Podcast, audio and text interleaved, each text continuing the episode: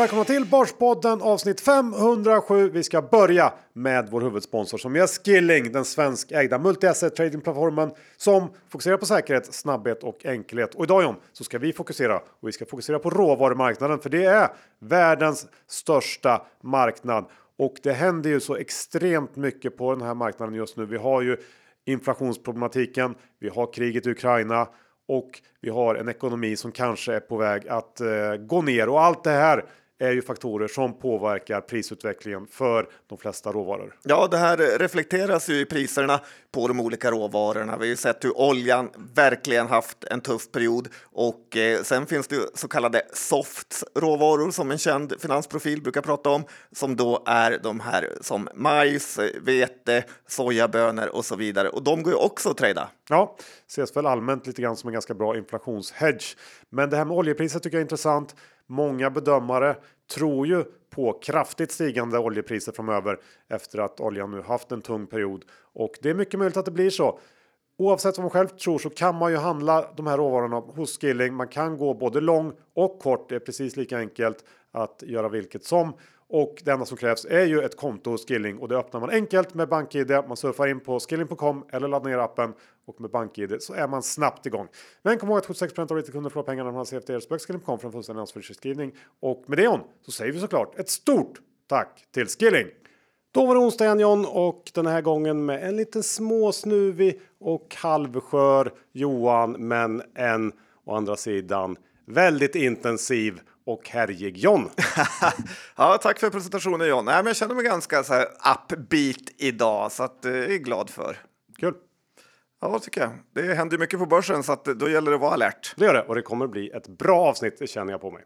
Vi är denna vecka sponsrade av Cameo som är Skandinaviens ledande investeringsplattform för säkerställda fastighetslån.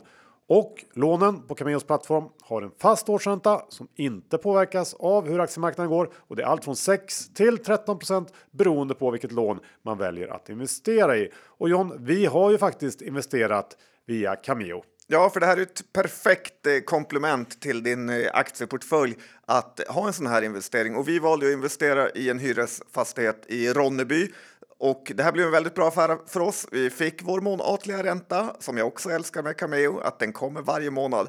Och sen fick vi hela klumpsumman i slutet när bygget var klart. Och historiskt sett så har det varit ganska svårt att hinna med att investera i lånen på plattformen.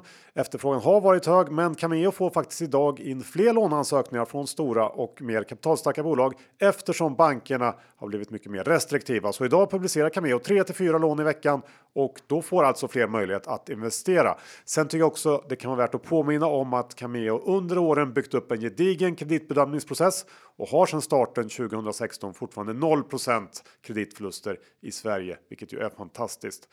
Så att alla som är intresserade av det här tycker jag ska surfa in på cameo.se för att läsa mer och investera. Men kom ihåg att investera via Cameo har historiskt sett gett en attraktiv snittavkastning på 8,7% Men precis som med alla investeringar innebär även en risk eftersom historisk avkastning inte är någon garanti för framtida avkastning. Vi säger stort tack till Cameo! Johan, Dr. Bass i Saxon Index är i 2230 och eh, det kanske inte riktigt stämmer när man lyssnar på det här för att eh, vi spelar in på tisdagen här eftersom du ska åka till Marbella här på golfresa. Eh, det stämmer, stämmer va? bra det. Är det Tier 1 rövgäng du åker med? Skulle jag inte säga. Däremot skulle jag säga att jag verkligen är värd det här. Om, vi, om vi flyttar fokus på diskussionen lite. Eller hur? Ja, kanske. Får man säga. Men lite undrar jag varför... Som får- jag har kämpat. Ja, men varför får inte jag följa med? Ni har inte ens eh, frågat mig. Nej, du, du spelar ju inte golf till att börja med. Nej, men jag har tänkt att Det blir ändå kanske... lite tråkigt om man vi spelar golf hela dagen och så bara sitter du hemma i eh, lägenheten. Jo, jag hade ändå tackat nej, men jag hade ändå velat ha frågan. Men Jag- lite tror jag att det här beror på Johan. En sak, jag tror att du också vet det. Vadå? Ja, det är ju den här bilden som togs eh, när vi var där förra gången vid poolen och att det har skapat ganska så dålig stämning. I, i den, inom den här, den här gruppen menar du? Ja, när jag och Bibi Trader stod vid poolkanten och eh, det var väl skilda världar där. Ja, jag, jag väljer att inte kommentera det. Jag eh, Du gissar. har dina aningar. Ska jag fråga Bibi Trader om jag får lägga ut den bilden? Eh, Han kommer säga nej. Ja, fråga kan du alltid göra. Tycker dock att du ska, att du ska liksom få ett godkännande innan du gör det. Ja, det ska jag göra. Ja, ja men vi får se. Så, att, eh, så är det med den saken. Men eh, om vi går tillbaka till börsen så är ju i alla fall storbolagsrapportsäsongen mer eller mindre över. Och kanske inte helt förvånande så börjar jag känna i alla fall att styrkan generellt sett börjar kanske avta lite grann på börsen och eh, luta lite åt att det är mycket möjligt att vi sett toppen för i år faktiskt. Eh, som vi pratade om förra veckan så går vi också in i en säsongsmässigt svag period nu. Eh, härvperiod kan man säga, lätt att göra bort sig i den här perioden. Eh, man har en lång eh, händelselös sommar framför sig där eh, likviditeten i stort brukar minska. Eh, sen får man ju säga att ekonomin i stort har varit mycket starkare än eh, vad jag trott i alla fall och det har vi pratat om många gånger. Men tycker också att man ska komma ihåg det här med att i takt med att de kraftigt stigande räntorna sprider sig genom systemet så kommer det att fortsätta att break things som man säger i USA. Vi såg det i pensionssystemet i England förra året.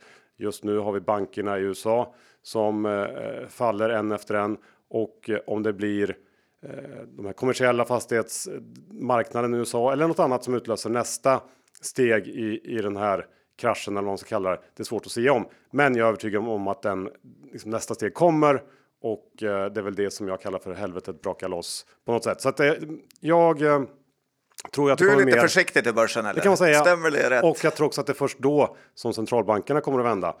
Så att jag tycker allt det här hänger ihop på något sätt. Svårt att se något jättevärde i börsen just nu på de här nivåerna. Då. Ja, men det är starkt av dig att eh, fortsatt ha självförtroende och kolla toppar lite här och var. Men Tack, jag tack. måste ändå säga att jag håller verkligen med dig om att det är en härvperiod.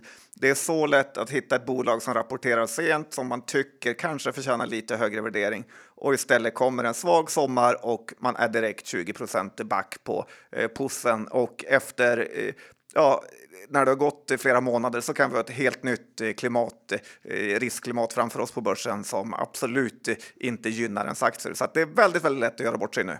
Så är det. Man ska känna sig ganska övertygad tycker jag om man eh, går in i nya grejer just nu. Och då John, hur eh, var läget borta i Omaha då? För i helgen har det varit stämma, Berkshire, Charlie och eh, Warren har sagt sitt. Ja. Jag har inte kollat så mycket faktiskt, men eh, Nej, det, många, har du gjort. Ja, många svenskar verkar vara där. Mycket stolta personer som lägger ut på Twitter och hoppas på likes, men ingen är särskilt eh, brydd. Så här, va? Nej, Ja, men eh, jag tänkte att vi ska plocka fram en lite så här egen erfarenhet, kanske nyfunnen nästan, som jag har fått av Buffett och en sak som har slagit mig lite med förvåning får jag ändå säga. Det är ju hur Börspodden-väskan eller BP-portföljen här har levererat så pass bra trots att den varit extremt likvid stora delar av tiden. Att den bara då och då satt sig i arbete för att vi är nästan räddare att eh, slösa bort eh, poddens pengar än våra egna.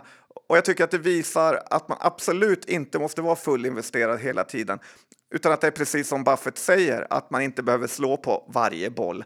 Eh, Baseballreferens där för er som inte vet.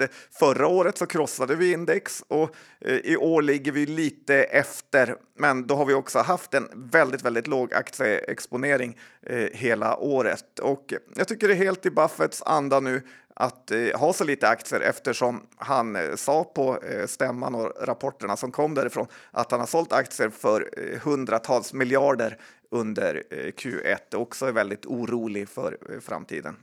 ser man. Samma läge som Dr. Bass. Ja, lite så. Men en annan grej som irriterar mig väldigt mycket måste jag också få berätta för dig.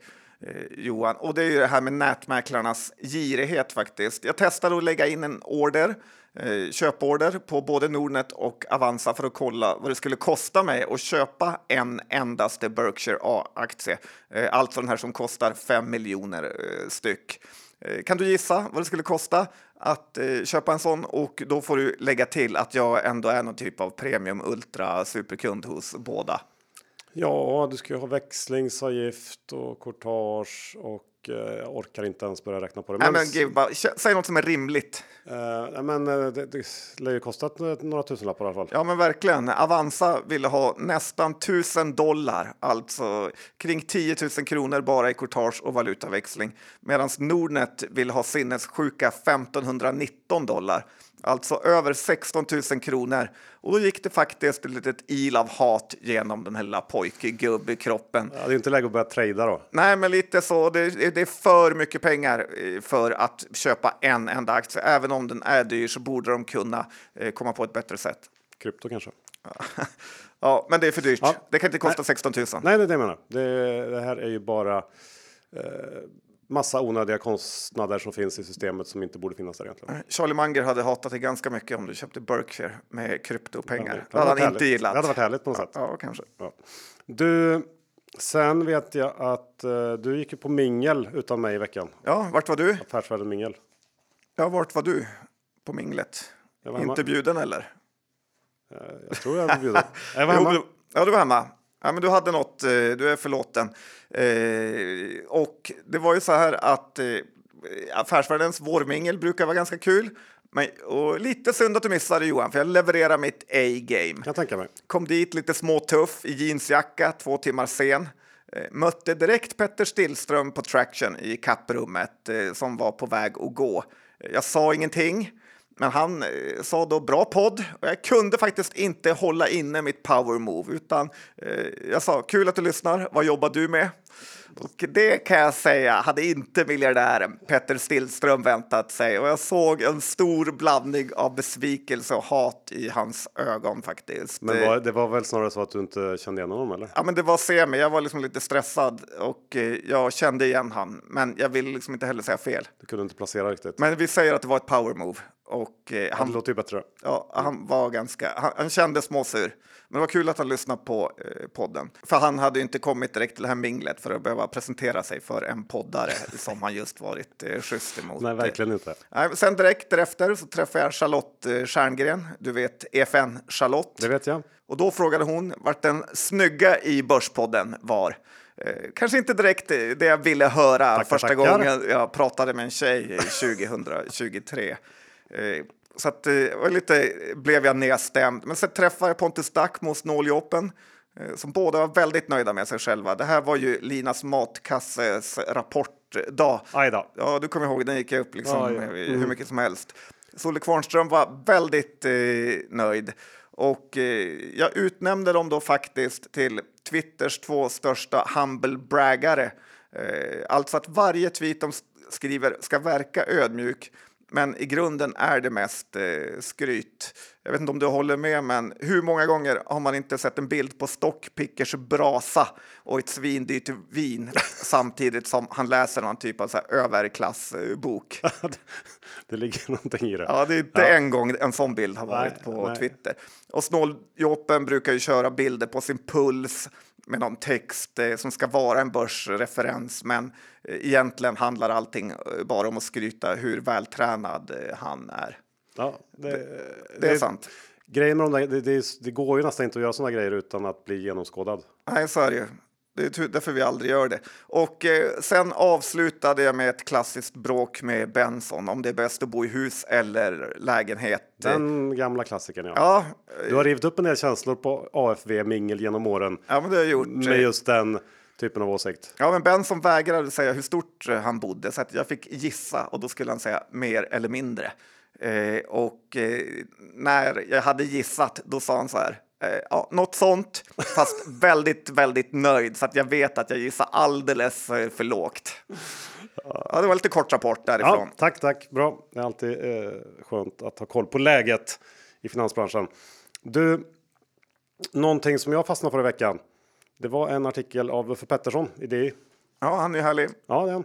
Han har Och- liksom klippt sig och gjort sig, appat sitt game lite. faktiskt. Kanske lite nya kläder och sånt också. Lite så här modern. Ja, ja man gillar han. Ja, ja det är kul eh, att det går bra för Uffe. Och eh, han eh, skrev i alla fall en artikel om att insiders nu då under rapportperioden inte alls agerat i linje med de här positiva signalerna som rapporterna sänt ut. Och om man då rensar för pappa Persson och Lundberg som ju alltid köper oavsett vad så har det insidersålts för betydligt större belopp än vad det köpts för den sista månaden här. Och det tycker jag att man ändå ska vara lite uppmärksam på. VDR är ju eh, positiva till sin natur och de ser ju hellre glaset som halvfullt än halvtomt. Och det tycker jag att man måste ha i bakhuvudet när man läser alla rapporter och utsikter nu. Men den egna plånboken, den väger ju alltid tyngst i slutändan ändå.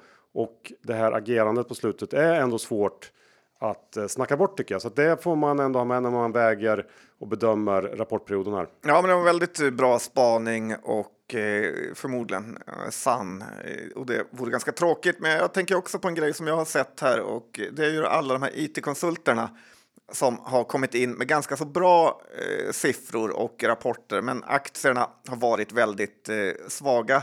Och eh, jag pratade med lite folk som vet, ja, jag har lynchat återigen Johan, eh, med en IT-konsultmäklare och han berättade att det ser väldigt mörkt ut eh, framöver eftersom så många skär ner. Eh, det är många som hör av sig till konsultmäklarna för de har massa eh, konsulter på avbytarbänken. Det är ett klassiskt ord, eller hur? Ja. Avbytarbänken. Och det här beror ju på att Spotify har dumpat massa IT-folk. Klarna har kickat jättemånga. H&M ska säga upp 65 procent av vissa IT-avdelningar. Så att det, har varit väldigt eh, tufft på den här sektorn. Sen får vi inte glömma bort hela Västsverige nu med bilsektorn eh, Eh, som verkar ha det betydligt tuffare. Volvo Cars drog ner på massa folk nyligen.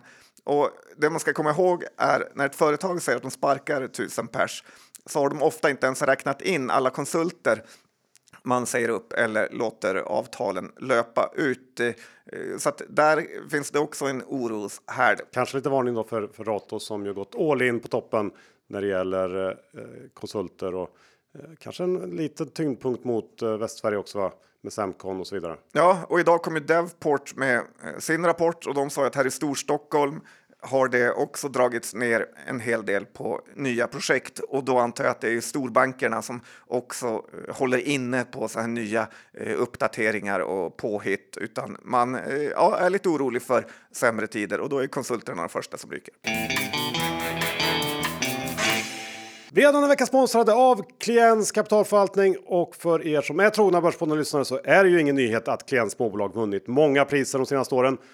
Och nyligen så var Kliens på tapeten igen för då presenterade nämligen en av världens största fondanalytiker Lipper det prestigefyllda priset för de senaste fem årens bästa fonder.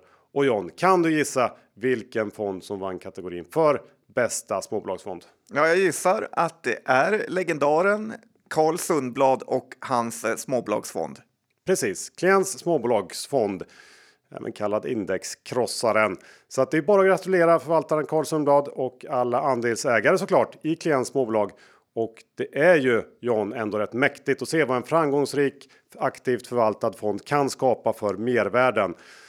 Har du siffrorna sedan starten 30 september 2016? Ja, men tänka sig Johan, det har jag. För Kliens småbolag har avkastat drygt 207 procent jämfört med index eh, 99 procent, alltså mer än dubbla avkastningen än vad Carnegie Small Cap Index har gett. Det är ju riktigt, riktigt starkt jobbat. Och var kan man då köpa klientsfonder? Det gör man enklast hos nätmäklarna Avanza och Nordnet. Den finns såklart också hos prispressaren Saver, men du kan också köpa den direkt hos Klients i deras egna ISK-lösning. Ja, men historisk avkastning är ingen garanti för framtida avkastning. Pengar som placeras i fonder kan både öka och minska värde och det är inte säkert att du får tillbaka hela insatta kapitalet. Och med det säger vi stort tack till Klients kapitalförvaltning. Vi är denna vecka sponsrade av försäkringsbolaget Hedvig som sedan starten 2017 jobbat outtröttligt med att skapa en försäkringsupplevelse som bygger på tillit istället för det här oändliga förhöret som man är van vid från gammelförsäkringsbranschen. Och det här gillar vi John. Ja, det är nästan så att man skulle kunna säga att vi älskar det. För vi har ju båda våra hemförsäkringar hos Hedvig numera. Vissa frågar oss, kan man lita på Hedvig? Ja, men det kan man nog ganska så säker på att man kan göra om borgmästarvillan ligger i deras händer. Ja, och det gör den ju. Det gör den. Tryggt. Väldigt tryggt. Ja. Eh, och det är inte bara tryggt utan det är också ett riktigt, riktigt bra pris som Hedvig erbjuder. Både du och jag tror jag blev förvånade när vi såg eh, den skillnad det var i pris jämfört med vårt gamla försäkringsbolag. Ja, först ville man ju nästan bara vara lite schysst och testa om Hedvig kunde matcha, men sen blev man ju förbannad på sitt tidigare försäkringsbolag över att de nästan lurat den får man säga, för det är sån enorm prisskillnad om man väljer Hedvig jämfört med sitt gamla försäkringsbolag. Precis, och det är ju verkligen så att Hedvig de tjänar ju inte mer på att betala ut mindre utan de gör det här på riktigt och dessutom så älskar man ju den här 100% digitala försäkringsupplevelsen som är något helt annat än vad man är van vid. Så att vi eh, kan ju verkligen rekommendera en eh, hemförsäkring via Hedvig och dessutom så har vi skakat fram ett erbjudande som gör det ännu mer attraktivt. Genom att använda koden Borspodden så får man 50 i rabatt i tre månader på alla Hedvigs försäkringar. Det här gäller endast nya kunder, men alltså koden Borspodden 50% rabatt i tre månader. Så det är inte så mycket att fundera på, utan det är bara att surfa in på hedvig.com och få ett prisförslag. Ja, för det är ganska mycket pengar om det är tre månader på en försäkring. Det är det verkligen. Så vi säger stort tack till Hedvig! Vi pratade ju i första delen John om att det är så kallade härvtider just nu och då går det ju inte att undvika den kanske största härvan av dem alla. Det går det verkligen inte. För... SBB och Ilja. Ja, för det är ju flera hundratusen småsparare som är fast i det här. Så det här kräver ju lite Börspodden förstoringsglas över det hela. Ja, är Ilja kanske the final härvboss? Ja, men det är många som skrev det på Twitter att börsguden kanske kräver att han ska eh, ja, slaktas. Ja, eh, och det är han väl på god väg att göra. Eh, det, det, som har hänt är ju då att igår så eh, kom det här sänkta kreditbetyget och efter det så hade SBB ett extrainsatt styrelsemöte där man då beslutade om stoppad utdelning samt att den här emissionen av D-aktier dras tillbaka.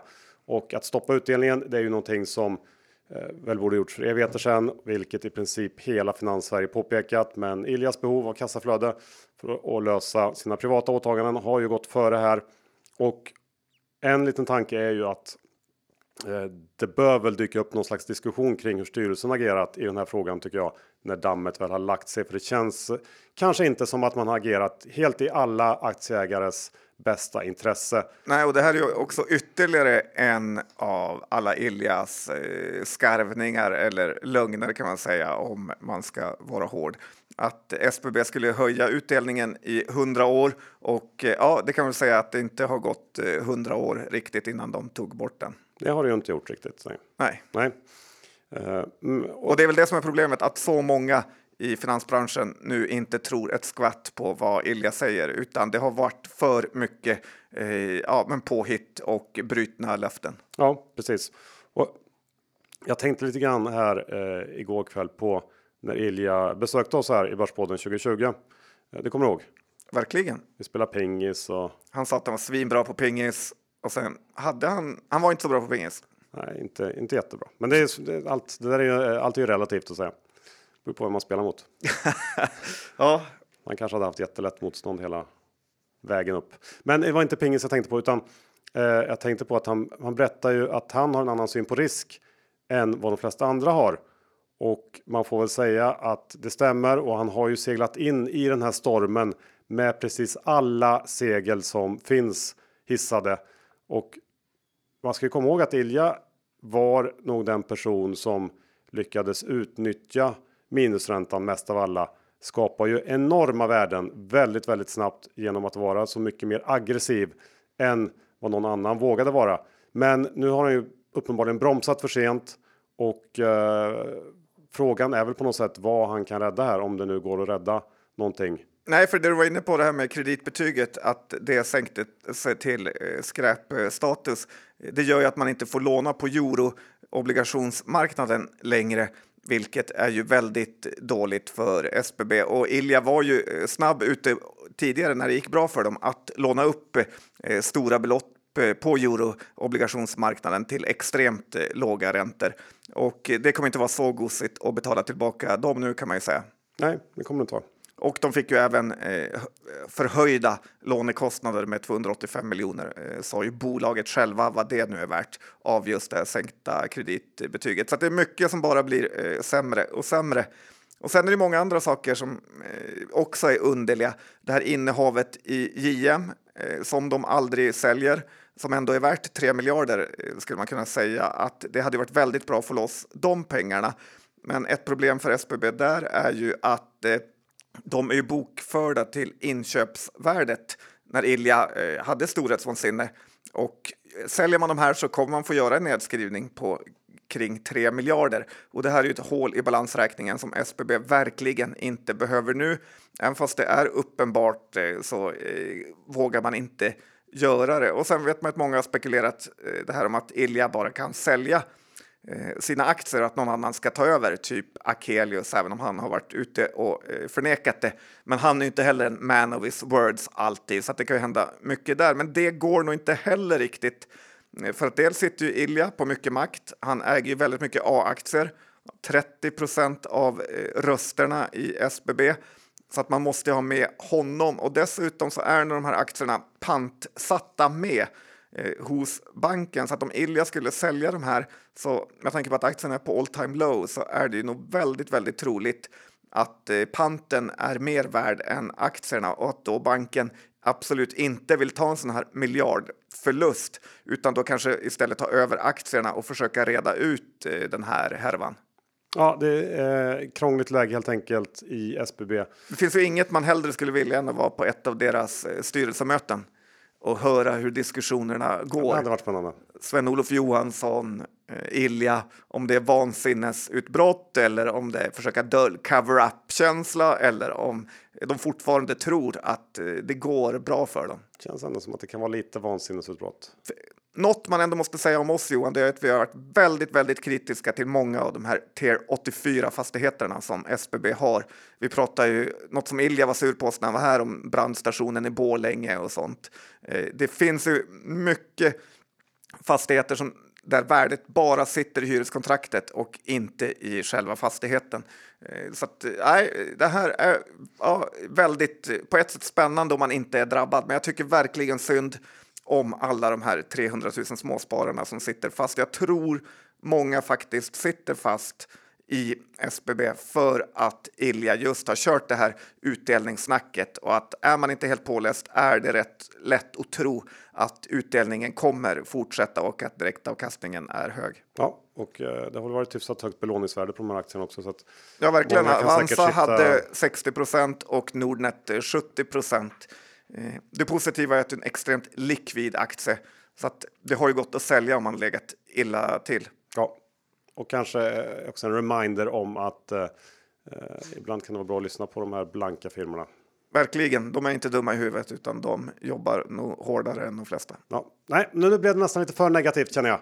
Till och med för mig. Ja, men vi vill ju att det ska reda ut sig för alla, men det känns inte så just nu. Nej, det känns inte så, men väldigt mycket kan hända och det kan hända snabbt och oväntat i den här eh, soppan helt enkelt. Så ja, det är bara att följa. Grejen är jag har att... inga bra liksom vad jag tror kommer att hända nästa gång. Eller, Nej. Ja. Nej, det är ingen som vet för det dyker upp nya saker hela tiden. Men grejen är att räntan är ju på väg upp och är hög och det är inte bra för SBB. Nej, det är inte bra. Bra sagt.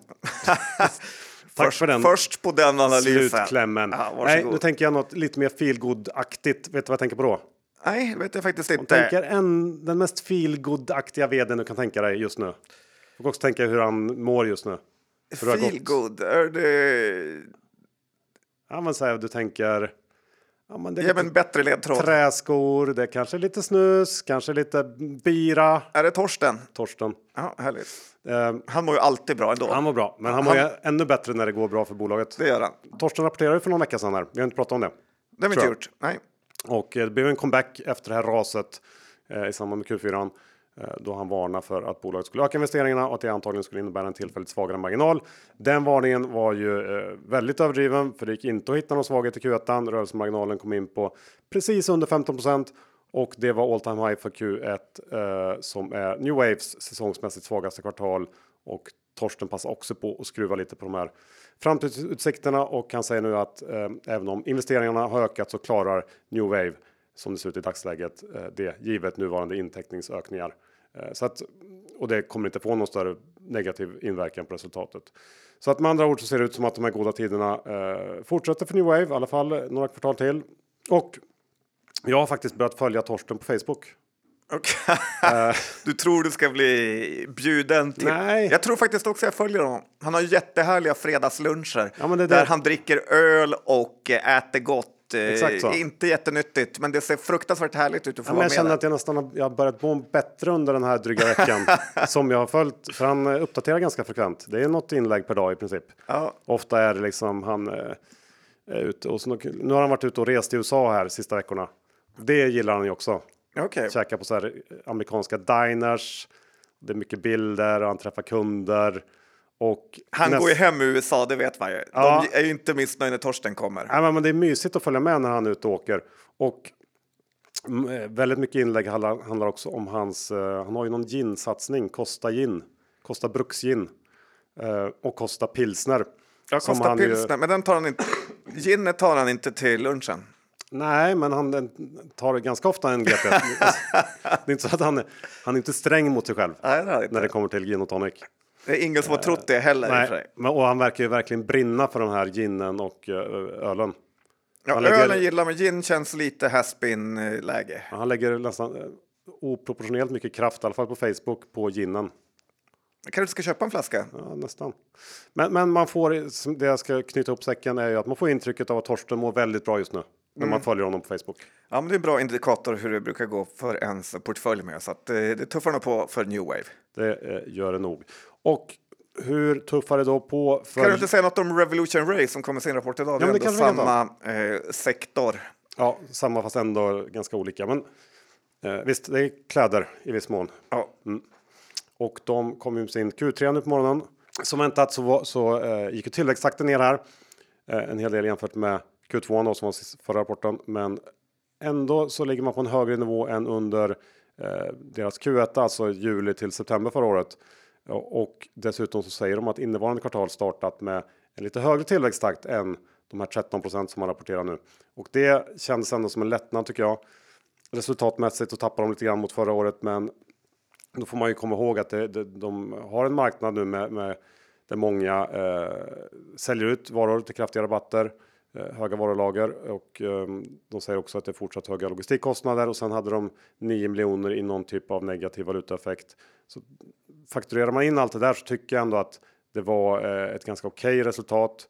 Eh, och lagret har de fortsatt att banta ner, kassaflödet var bra. Så all in all tycker jag att det var den här positiva outlooken kombinerat med eh, känslan av att många faktorer kommer att bli eh, bättre här framöver. Eh, samt då nettokassa, ev ebit eh, strax under 10 tror jag. Det känns väl okej här. Jag hade nog trott på lite mer fart i aktien idag, men å andra sidan så har man kvar den här, i alla fall jag har det, känslan av modefluga. Eh, I Sverige så faller nu försäljningen. Eh, jag är lite rädd för hur det här bolaget kommer att må om några år när liksom hypen har jobbats ut även i de här andra länderna som går bra nu. Eh, Så jag vet inte, jag, jag, jag tycker kanske inte heller att värderingen ska vara så jättehög på det här. Fick man någon status om deras eh, fotbollsspelare, Lam, Filip Lam? Nej, men de växer bra i de regionerna så det kanske har gett resultat. Ja, men det här eh, Revolution Race är lite som Hexatronic för mig. Att det spelar ingen roll hur billigt, hur mycket som talar för bolaget. Jag kan inte köpa det, för jag tror verkligen inte på eh, det här bolaget. Det var eh, en kille som jobbar på Fjällräven jag pratade med som sa att de är väldigt trötta på Revolution Race för att de Eh, kopierar deras eh, kläder rakt av. Eh, men de fattar liksom inte vilka funktioner som behövs och därför sitter det lite för små ugglor, det sitter lappar och lite här och var. Eh, så att eh, Revolution Race eh, lägger väldigt lite pengar på eh, produktutveckling tyckte han då, utan är mer av en copycat, eh, vilket många bolag eh, såklart eh, är eh, Som är just under Så det premiumsegmentet. också, om man ska vända på det, lite sådär halvfejk att gå runt och säga att man håller på med, vet, lägger massa pengar på R&D på att utveckla liksom, nästa generations ficka liksom. Vad- Det är en ficka och ett blixt, alltså vad spelar det för roll? Ja, men Lite det är väl så. här vindtätt och vattentätt. Ja. Gore-Tex och sånt har ju kommit Men man vet ju ändå att det är lite överdrift också. Ja, lite, lite. Men de måste ju hela tiden hitta på något för att kunna ta högre priser Exakt. och eh, eh, Med liksom betoning på hitta hypa. på. Ja, men i alla fall, jag är ingen köpare av Nej, Revolution nej men jag är väl inte heller det, är i grund och botten. Men jag tycker ändå att den, det känns ju ändå som att den har kommit ner på en nivå nu, så det är svårt att se någon jättenersida här, tycker jag också. Eh, För värderingen är så låg och de växer ändå och outlooken var som sagt ganska stark. Så Ja, det om kommer man nog tror bli ett ganska okej kvartal eh, nästa kvartal. Ja, såg du förresten eh, Succession? Eh, att eh, Skarsgård, han går ju bara omkring i fjällräven. Eh, Madsen. Ja, Mattsson, han går bara runt i fjällräven-grejer. Mm. Har du sett det? Nej, det var inget jag tänkte på. Jag såg, jag tänkte bara att han hade liksom sådana En kofta. funktionsgrejer tyckte jag det kändes som. Ja, ja Tänkte det var nästan. Revolution Race. Ja, det det var var, han. lite mer not, nedtonade färger va? Det var inte de här Det var inte orange och sen svart lapp. Nej, det var inte så. Nej, men det var Fjällräven. Okej. Titta när han sitter där i norska stugan. Och vem humble braggare hade varit där? Ja, Olle Kvarnström la ut det. Det var ett av de bästa ställen han hade- varit på. Ja, men kul för Olle. Ja, Det går bra nu. ja, men det var länge sedan. Han var där före. Ahead of the curve. Ja. Ja, ska jag prata om något annat eller? När du har kört fast helt i klädträsket. Det gör vi. Och innan du har kört fast totalt i snåljåpen. Vi får börja... kanske det får vara någon, någon, typ några månaders eh, förbud nu mot snåljåpen. gärna. Det är för mycket. Ja, gärna. De ska inte ha mer uppmärksamhet. Nej, ska inte. Lite ska han ha. Ja. Men ska Men- prata Akelius, det är ett case jag har tittat på Ja. i en sektor som är otroligt eh, hatad. Eh, och att det kanske är några så här möjliga enkla procent i en total död ja, men, eh, bolags eller aktieslag som ingen gillar här, det och preffaktier. För tittar man på grafen här så ser man att varje gång det senaste året när Akelius, alltså bolaget, eh, har släppt sin rapport så börjar det återköpas D-aktier och att D-aktien då stiger från cirka 1,70 dit den brukar halka ner till 1,85 där återköpen eh, verkar sluta. Och eh, just nu är det ett ganska så klockrent eh, sånt läge. Det här är inga stora pengar, men jag kör på med lite aktier för att testa den traden. Akelius äger ju i princip redan 90 procent av alla D-aktier så att det finns ju ingen anledning att tro att man ska bli blåst här alla SBB. Eh, Akelius D ger eh, ganska låg direktavkastning eh, för att vara inom det här segmentet just nu på 5,6 procent.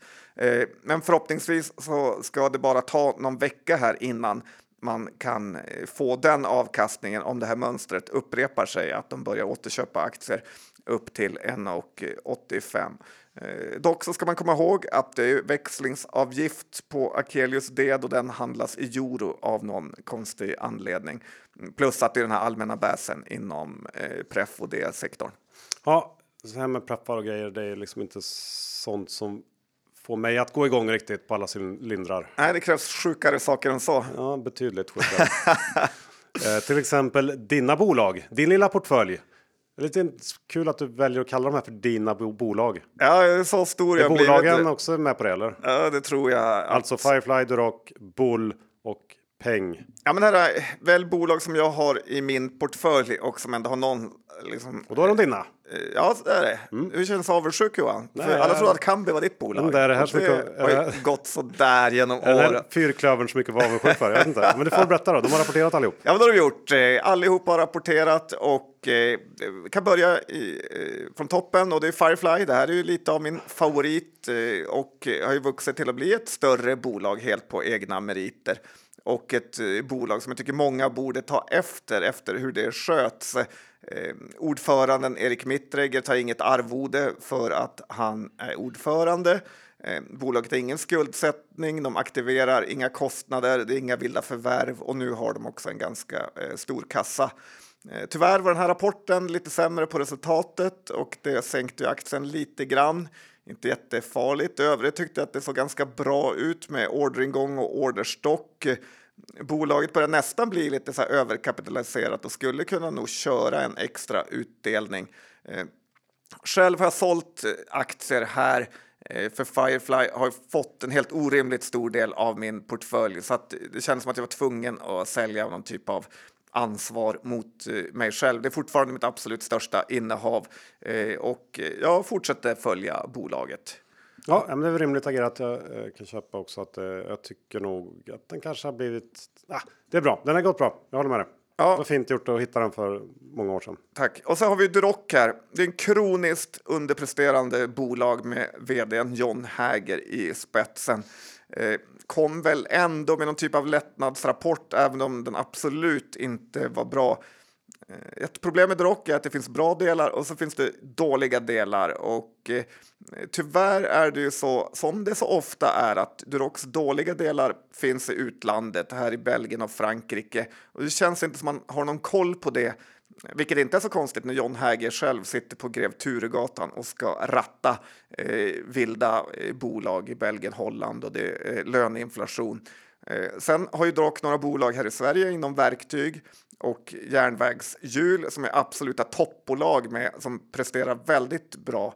Eh, så att eh, ja, delad, blandade resultat här. Blandad kompott. Ja, men lite då är jag besviken på eh, Duroc här, även om det kanske börjar lätta sig, vilket eh, man hoppas. Men samtidigt om vi ska gå i en tuffare konjunktur så kommer det inte vara gosigt för dem heller. Nej, så lite, lite vänta och se-läge där helt enkelt. Ja, och det är väl så jag gjort där också. Inte Bull köpt då? Ja, men Bull här är ju mitt eh, sämsta bolag i portföljen och eh, kanske en av de sämsta investeringarna jag gjort i karriären. Här, då, så pass. Pengamässigt.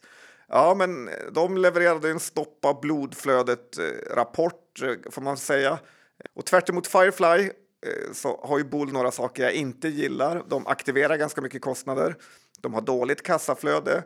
De har en vd som skriver i vd-ordet och eh, citat då att han är speciellt nöjd med att bruttomarginalen har stigit och det då för att eh, komponentbristen har minskat.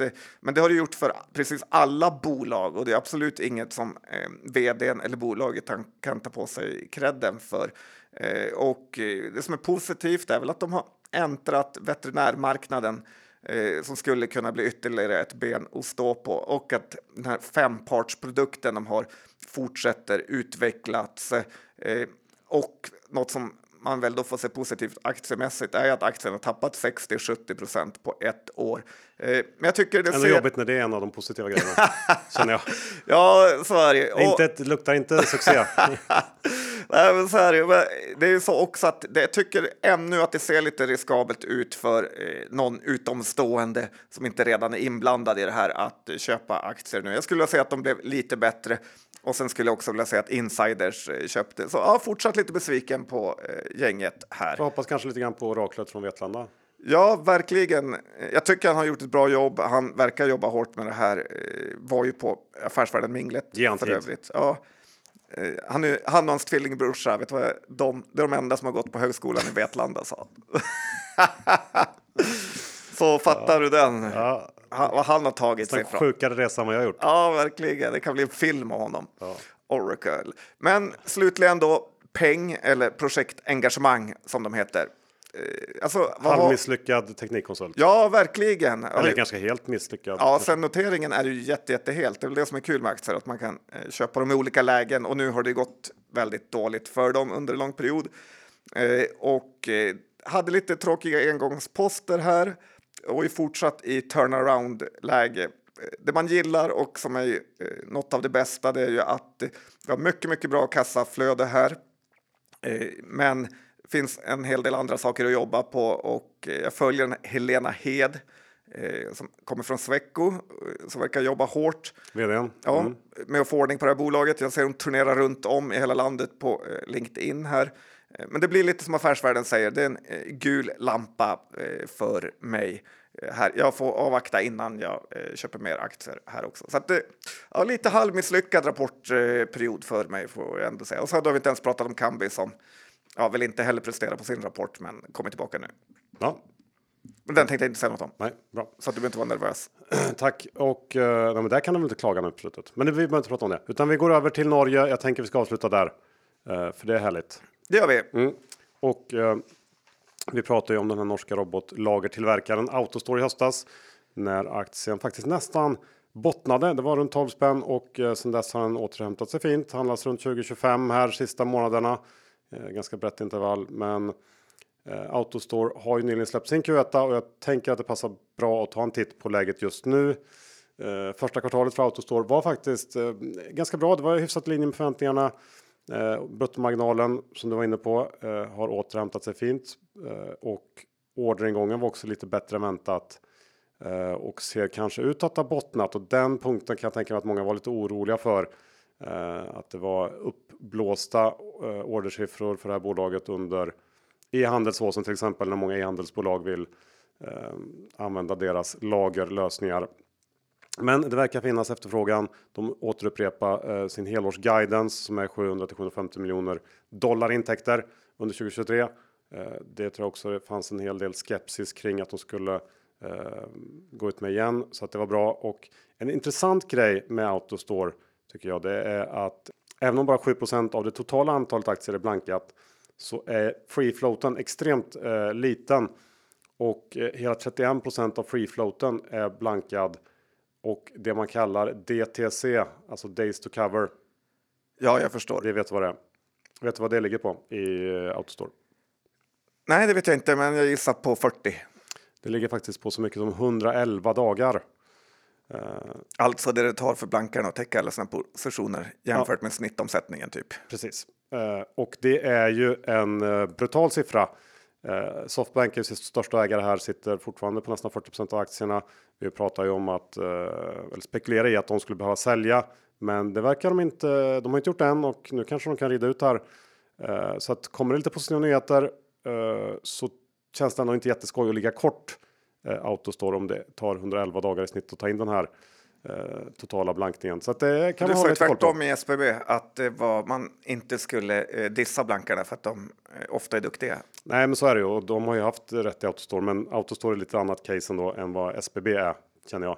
Ja, med tanke på hur eh, det känns ändå som att mathandeln, näthandeln, allting kommer ju öka. De har medvinden långsiktigt med sig oavsett Ja, liksom robotlager är ju någonting som kommer att vi har, kommer vi använda mer eller mindre robotlager. Ja, men så är det ju. För det man hör är ett matsmart och sånt, att det går ju runt eh, liksom Uniflex eh, och lägger i citroner och apelsiner. Det bör eh, kunna rappas på och förbättras.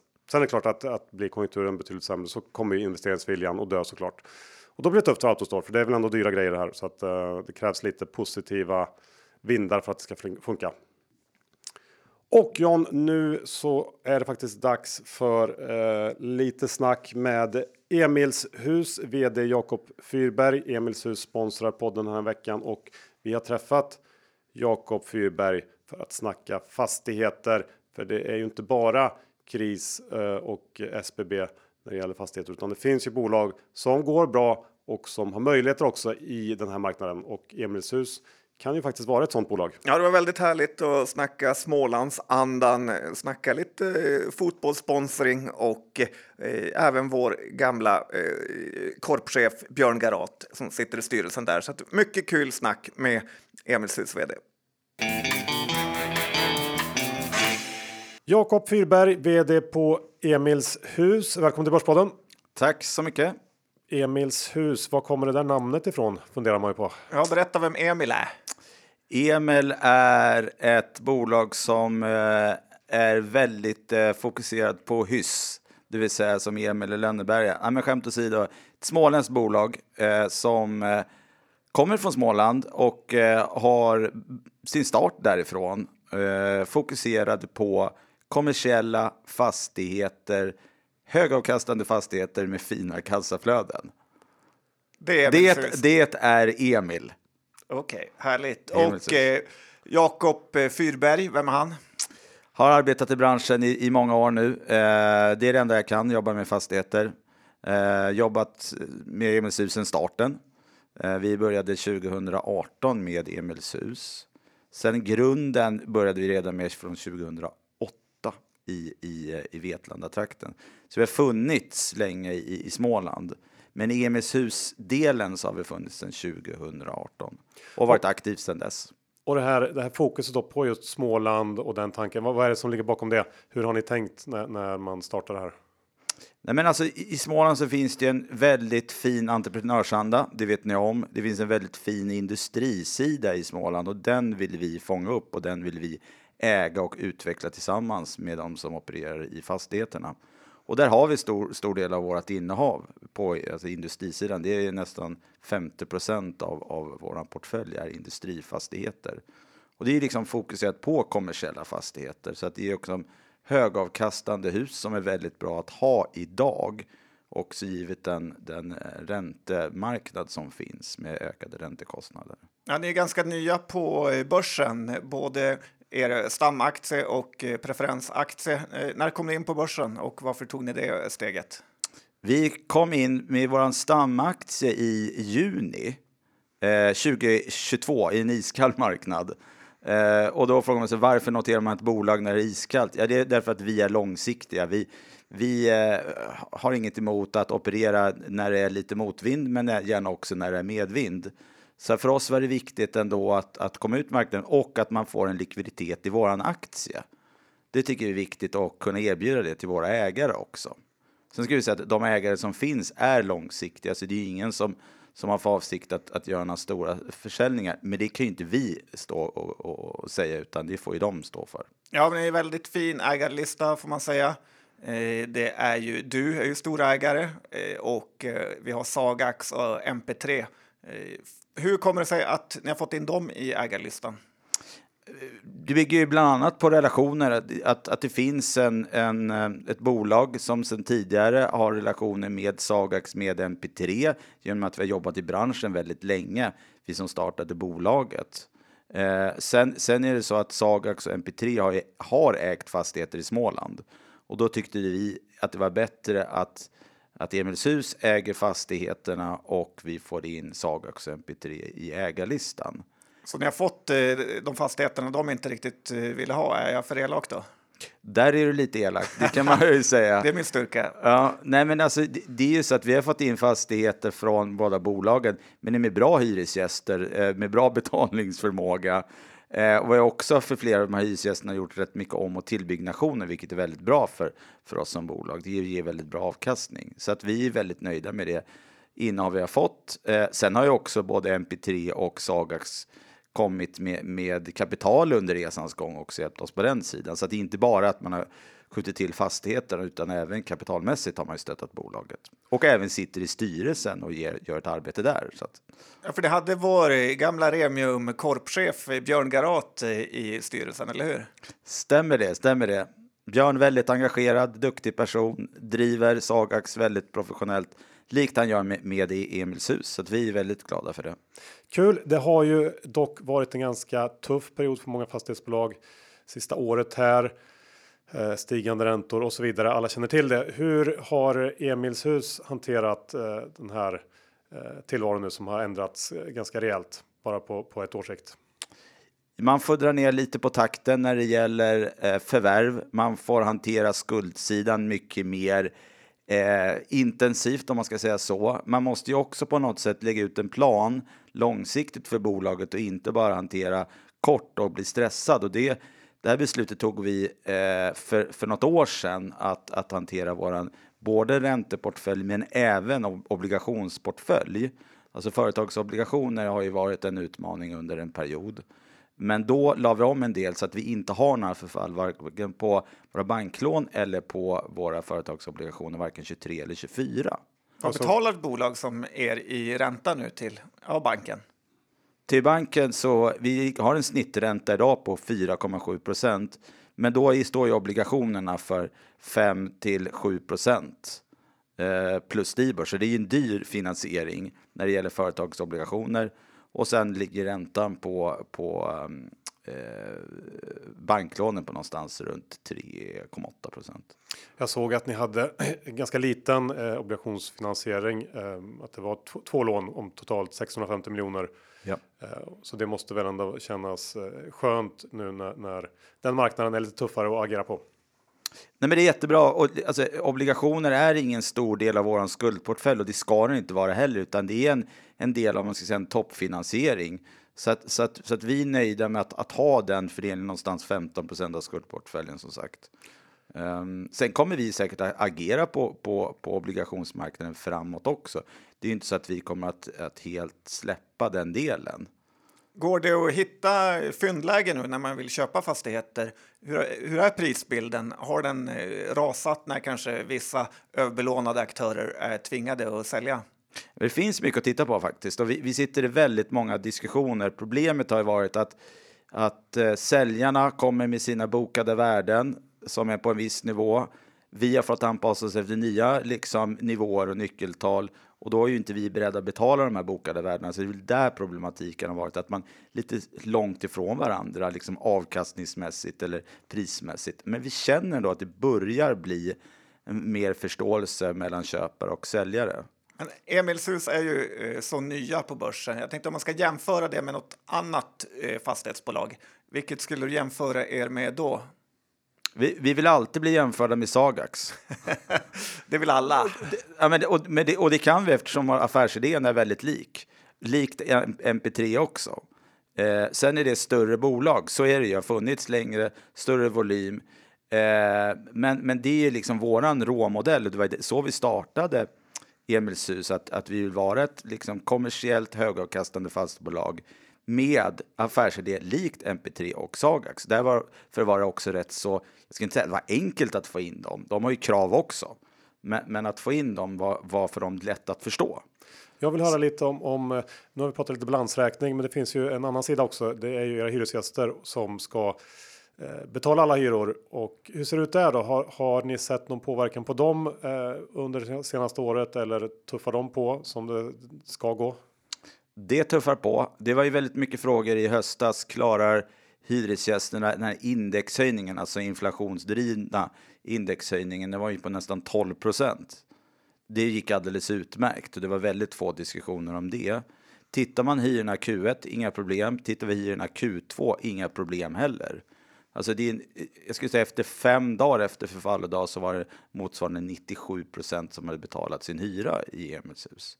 Så att det är bra eh, betalningsförmåga. Jag såg på hemsidan att Bufab är er största hyresgäst. Ja. Eh, stämmer det fortfarande? De är en stor hyresgäst, ja. Eh, gör väldigt fint eh, resultat senaste kvartalet, går väldigt bra. Ja, och det är väl lite av ett eh, Smålandsbolag med va, i grunden. Verkligen. Vi, vi tycker ju om den här typen av bolag som är baserade i Småland, har ett småländskt stängt likt vi och, och, har sin identitet därifrån. Och den typen av fastigheter äger vi idag och vill gärna också förvärva. Men ni gör ingen sån här typ växa med kunden som eh, managementkonsulter säger att om Bufab vill öppna en ny fabrik i typ Umeå, att ni då eh, köper en fastighet där och hjälper dem med det? Eller ni är bara i Småland? Vi är i södra Sverige ska vi faktiskt säga, så att Småland är, är en viktig region för oss, men vi är i Östergötland och även i Halland. Så att vi får väl säga att vi ändå är i södra Sverige.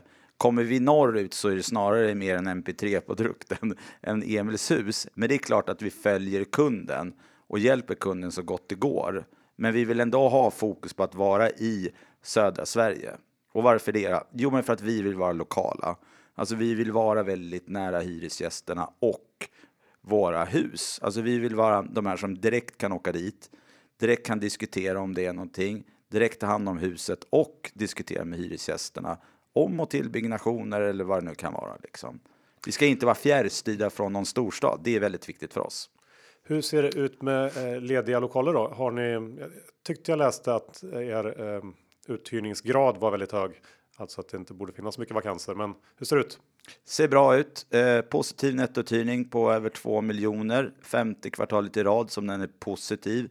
Så att, så att det går bra. Det har varit en bra efterfrågan i de större städerna och vi 50% av vårt innehav ligger i Jönköping och Växjö. Det är ju liksom tillväxtorter. Så att, så att det är bra. Det är bra diskussioner. Sen får man ju vara liksom vaksam hur liksom konjunkturen utvecklas och annat. Men just nu och vad vi har sett senaste kvartalen så har det varit positivt. Och ni ser ingenting om, om man tittar framåt eller vad ni hör från era hyresgäster att, att det är någonting som håller på att förändras eller känns det, känns det bra om man tittar fram här resten av året? Vi, vi känner att det, det är stabilt. Just Dr. Alban.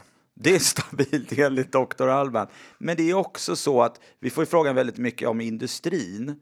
Och industrin går bra. Det är ju bara att titta på hur, hur de storbolagen har rapporterat där man har varit lite skeptisk mot, mot deras utveckling och de har ju överträffat. Eh, och då ser vi också våra bolag, de har rapporterat men också underleverantörer till de stora bolagen de går. Så att industrin går bra. Vilken stad eh, tycker du verkar mest eh, på gång i eh, södra Sverige?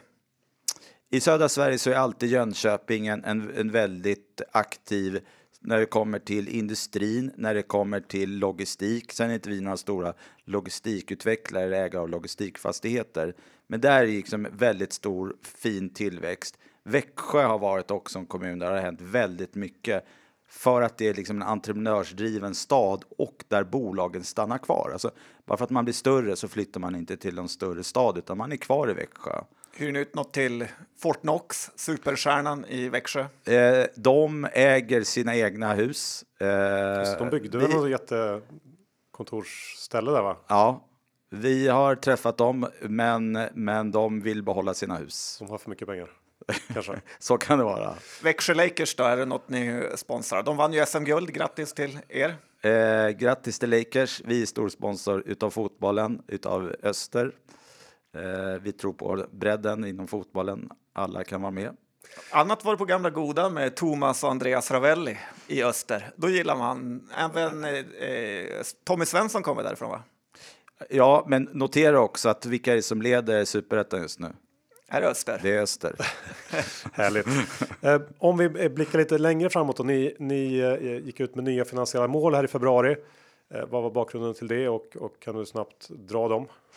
Bakgrunden till det är att lönsamheten är i fokus för bolaget. Att, att det är väldigt viktigt att, att våra ägare får avkastning på sitt kapital. Vi tog bort lönsa, eh, volymmålet, förlåt, volymmålet för att vi tycker att det är underordnat lönsamheten. Det ska vara liksom bra avkastning på det egna kapitalet. Det ska vara bra avkastning på eh, förvaltningsresultatet i, i, i bolaget. Eh, därav att vi har justerat det. Man tittar på aktien. Eh, man kanske skulle, om man är småsparare, vilja att ni betalar någon utdelning med till eh, aktieägarna. Det gör ni inte. Varför inte? Alltså vi betalar ju en utdelning, men det är till preferensaktierna och det, det ska vi göra såklart. Eh, så vi har ju en viss del preferensaktier i bolaget, men när det kommer till stamaktierna så har vi ingen utdelning, nej. För att vi tycker ändå det är viktigt att vi bygger upp kapital i bolaget, använder det till att investera i nya hus eh, eller i om och tillbyggnationer. Vad framtiden är, det får vi väl se, men jag menar, vi är fortfarande ett bolag med 7 miljarder. Det är inte jättestort, utan vi prioriterar tillväxten, alltså vi ska ju bli större. Sen får vi se om några år hur, hur vi, vi gör med, med utdelningar. Men hur resonerar ni med kapitalallokering? Eh, för nu när det är lite så här, eh, ja men eh, preffaktierna har sjunkit väldigt mycket. Att jag har för mig att ni får ungefär man får 8% på Emilshus eh, pref-aktie. Ja. Eh, tänker ni aldrig att det kan vara värt att köpa tillbaka den? Eh, för du sa tidigare att ni betalar bara 3-4% till banken och kanske lite mer till obligationsägarna, men att man nästan får bäst avkastning på att köpa tillbaka preffaktien? Nej, men det, det är väl klart att, att, att det är en kostnad. Samtidigt så tycker vi mån om att vi inte ska trycka för mycket stamaktier heller, utan vi vill behålla det kompakta innehavet som finns. Så då ser vi ändå på möjlighet att göra preferensaktier men också obligationer. Men sen är det rätt att det kommer ju alltid till en kostnad vad är rätt där. Men som det ligger just nu så, så är, är vi eh, nöjda med läget. För då en, en uh, investerare här som lyssnar och som funderar kanske på om det är läge att gå in i fastighetsaktier nu. Uh, vad skulle kunna göra Emilshus uh, intressant för en investering? Ja, men det intressanta med oss är att vi är ett tillväxtbolag. Vi ska bli större, men vi ska också göra det med lönsamhet. Vi har väldigt fina kassaflöden och vi är en av de få bolagen som redovisar ett, ett ökat förvaltningsresultat idag, vilket är väldigt bra.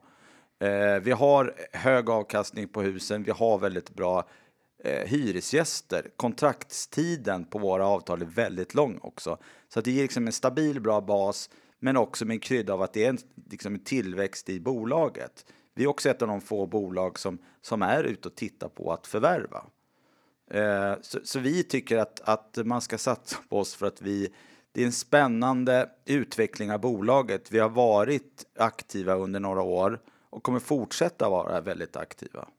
Hur tänker du dig själv då om vi tittar, om man säger att eh, en investering i aktier ska vara på eh, fem års sikt. Eh, hur ser Emils hus ut om fem år? Betydligt större. Det är, det är absolut målsättningen. Hela tiden leverera. Går det att växa så mycket i Småland ännu? Och... Ja, absolut. Det finns så mycket fina fastigheter i Småland. Välkomna till till Småland och besöka oss och, och eh, så tar vi gärna en tur runt. Nej men skämt åsido, det finns där men det finns också i, i andra städer. Alltså vi ska vara där tillväxten är i södra Sverige. Så det finns ju andra intressanta orter vi skulle också kunna titta på framåt. Men nu har vi ju satsat mycket på Växjö, Jönköping, numera också Linköping, Norrköping. Och det är en enorm marknad, bara de fyra liksom, städerna ihop. Ja, eh, tack Jakob för att du kom och berätta om Emilshus som jag tycker kanske lite oförtjänt flyget under radarn för det är ett spännande bolag eh, med en spännande inriktning så att vi eh, önskar er lycka till och eh, får följa upp det här vad det lider. Tack så mycket. Slut på avsnitt 507. Vi säger såklart stort tack till vår huvudsponsor Skilling. John, Skogman.